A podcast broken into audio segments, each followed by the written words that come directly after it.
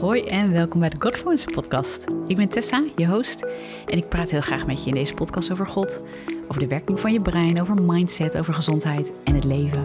En ook over de dingen die het leven ongenuanceerd op ons pad smijt soms. Hoe gaan we daarmee om vanuit onze relatie met God? Um, en vanuit de kennis die we mogen hebben, ook vanuit een stukje gezondheidswetenschappen. Het is zo mooi om te zien dat uh, heel veel mooie principes die de Bijbel aanhaalt voor ons en claimt dat die ook gezondheidsbevorderend voor ons zijn. Dat wetenschap dat heel vaak ook onderschrijft. En dat is heel gaaf. En ik moet je zeggen, het was heel leuk. Van de week kreeg ik een uh, bericht van iemand op Instagram naar aanleiding van iets wat ik postte. En die vroeg, joh, Tessa, ik ben niet gelovig, maar hoe kijk jij naar geloof en wetenschap? Want ik loop in gesprekken met gelovige mensen juist wel eens vast op dit onderwerp. En hoe kijk jij daarnaar? Nou, hij deelde over, uh, over zijn perspectief en hoe hij daarnaar kijkt en over andere zaken. Heel open, mooi uh, vind ik dat als iemand ja, oprecht vragen stelt. Niet om, um, om op een vervelende manier een discussie met je aan te gaan, maar echt oprecht wil vragen van je, hoe kijk je daarnaar? Want ik ben daar geïnteresseerd in. En het was echt oprecht, vind ik heel mooi. Nou, en als je uh, al een tijdje luistert, weet je ook dat ik dat heel graag combineer, zeker met gezondheidswetenschappen. Daar heb ik natuurlijk kennis over vanuit mijn opleiding. En ja, weet je, ik kan niet anders zeggen als dat wetenschap.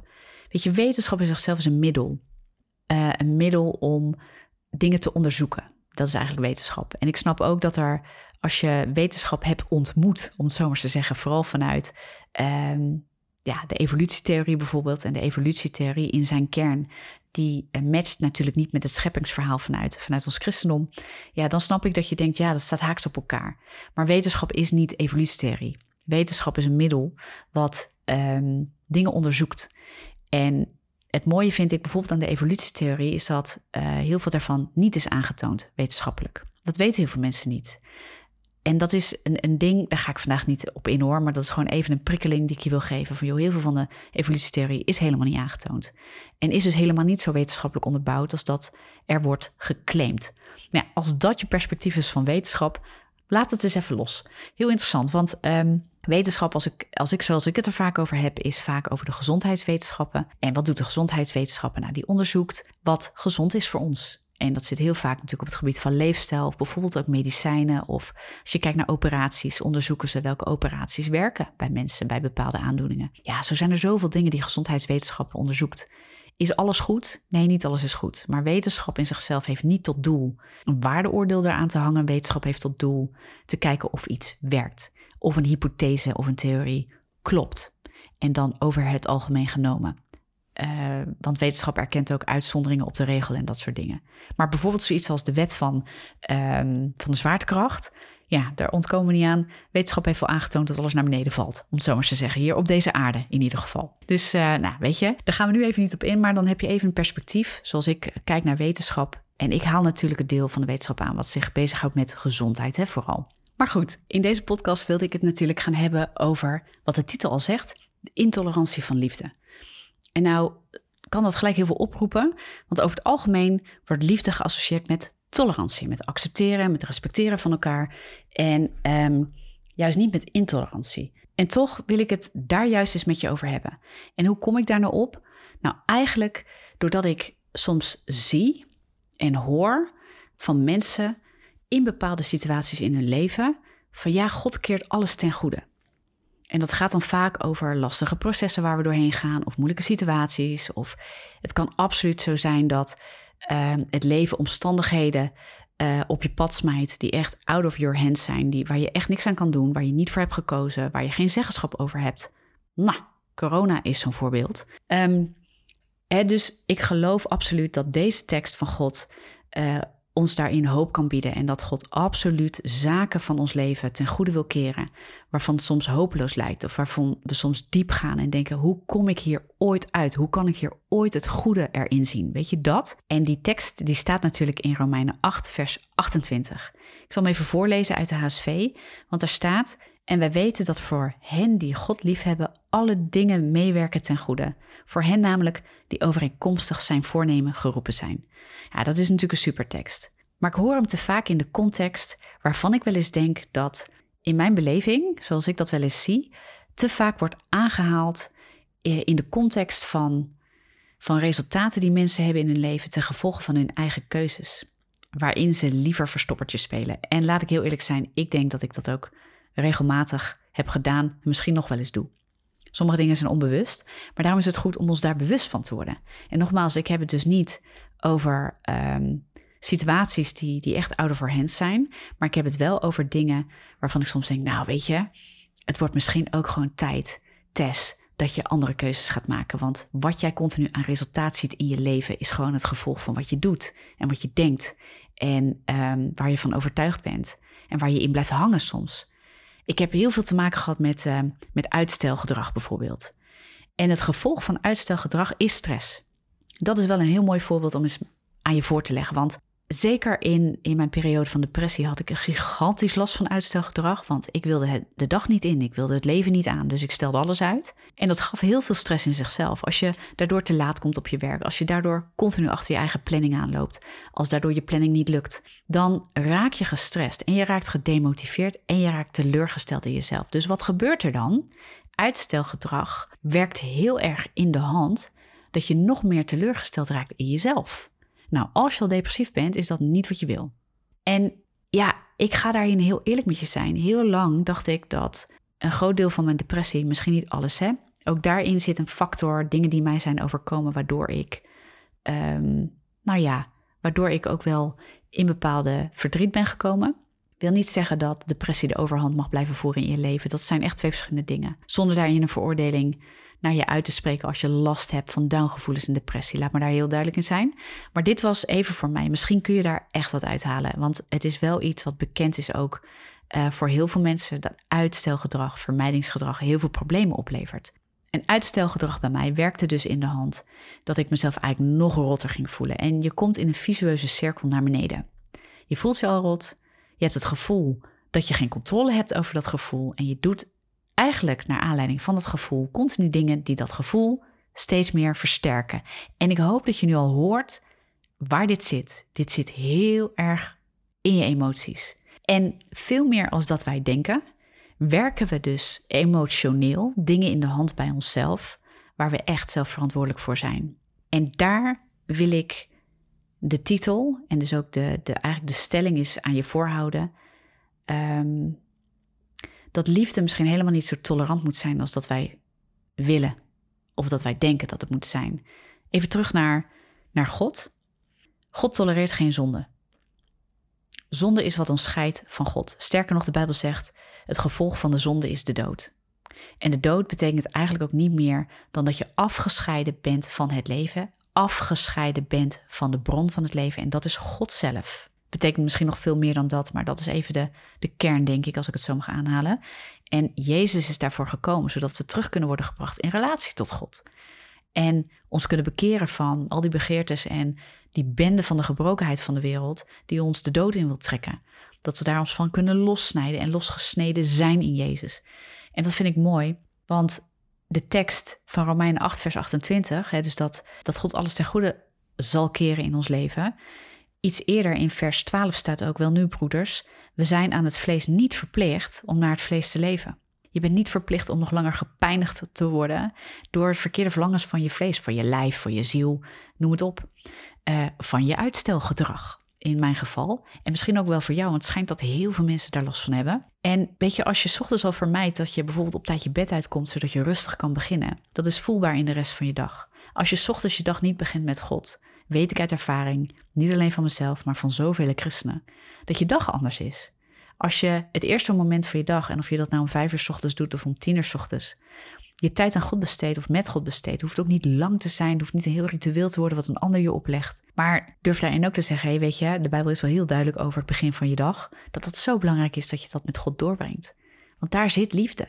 Liefde tolereert juist niet dat je je laat opslokken door allerlei rotzooi, bende, onrust, chaos aan het begin van je dag. Dus liefde is intolerant naar bepaalde dingen. Liefde zou intolerant moeten zijn naar heel veel zaken in ons leven. En ja, ik wil het dus in de context plaatsen van jij en ik zelf. Dus kijkende naar jezelf. Ik denk dat we te vaak verstoppertjes spelen. En ik denk dat we te vaak bijvoorbeeld zoiets als een, als een tekst, hè, God keert alles ten goede, gebruiken om onszelf eigenlijk uit de wind weg te nemen, uit de confrontatie weg te halen en niet ten diepste de verantwoording te nemen voor dat wat we absoluut verantwoording voor dragen. En waarin ons, ik noem dat gedelegeerde autoriteit van God is gegeven. Ehm, ja, je hebt een eigen wil, je hebt verstand. Dat moet je ook inzetten, moet je ook gebruiken. Daar mag je ook in ontwikkelen, onder Gods leiding. en vernieuwen van je denken, bijvoorbeeld zoals Romeinen 12 vers 2 daarover spreekt, heeft er ook mee te maken dat je de waarheid van God aanneemt. En de waarheid van God is gekoppeld aan de liefde van God. En de liefde van God tolereert absoluut niet alles in je leven. En zou dus moeten beginnen bij onszelf. Niet bij de ander, niet met een wijzend vingertje naar de ander, maar bij onszelf. Als wij met mensen over de liefde van God willen praten en over de waarheid, hoeveel te meer denk je dat je inspraak hebt, dat je een voorbeeld kunt zijn voor anderen. Als jij zelf laat zien dat je die reflectie hebt in je leven en dat je durft te zeggen: Ik tolereer niet alles in mijn leven. Juist omdat ik geloof in de liefde van God. Juist omdat ik zijn waarheid aanhang. Juist omdat ik mij vanuit zijn liefde wil bekijken. En dat betekent dat ik dingen afleg. Nou, voor mij was het uitstelgedrag. Moet je zeggen, dat was wel naar aanleiding van een confrontatie die God mij gaf. En God confronteert altijd omwille van het feit dat hij hoopt dat je bevrijd wordt en loskomt van dingen die niet van hem zijn. En mijn uitstelgedrag was op een gegeven moment een gigantisch patroon, wat depressieve gevoelens en depressieve patronen in stand hield, waardoor ik eigenlijk het gevoel had dat ik daar nooit meer uit los kon komen, terwijl dat eigenlijk een leugen was. Ik hield het zelf in stand voor een heel groot deel. Dus ik heb het niet over de oorzaken en de dingen die mij zijn overkomen, waar ik absoluut geen keuze in had, ehm, maar wel de rest daarna. En dat zijn vaak patronen die onbewust gaan ontwikkelen in reactie emotioneel op gebeurtenissen. Weet je, dat, dat, dat is zo. Trauma's doen heel veel met, met ons als mens. Maar we hebben op een gegeven moment gelukkig een keuze om daaruit te stappen. En dat heb ik erkend. En daarin ben ik Gods waarheid gaan volgen, maar ook Gods liefde. En Gods liefde en waarheid tolereren gewoon niet alles. Nou ja, weet je, en daar wilde ik het gewoon eens in deze podcast met je over hebben. Weet je, het evangelie is om ons te bekrachtigen en niet om ons leeg te trekken. Please gedrag bijvoorbeeld is ook zoiets. Ik ken mensen die zeggen, ja, maar ik moet toch dienen. Uh, dat is toch bijbels dat ik dien? Ja, klopt, uit liefde. Niet uit angst en niet uit het zoeken van bevestiging, niet uit gebrokenheid, maar uit heelheid. Uit een rust en uit een liefde met God. Niet om je leeg te trekken, maar om jouzelf en met jouzelf anderen te bekrachtigen met liefde van God.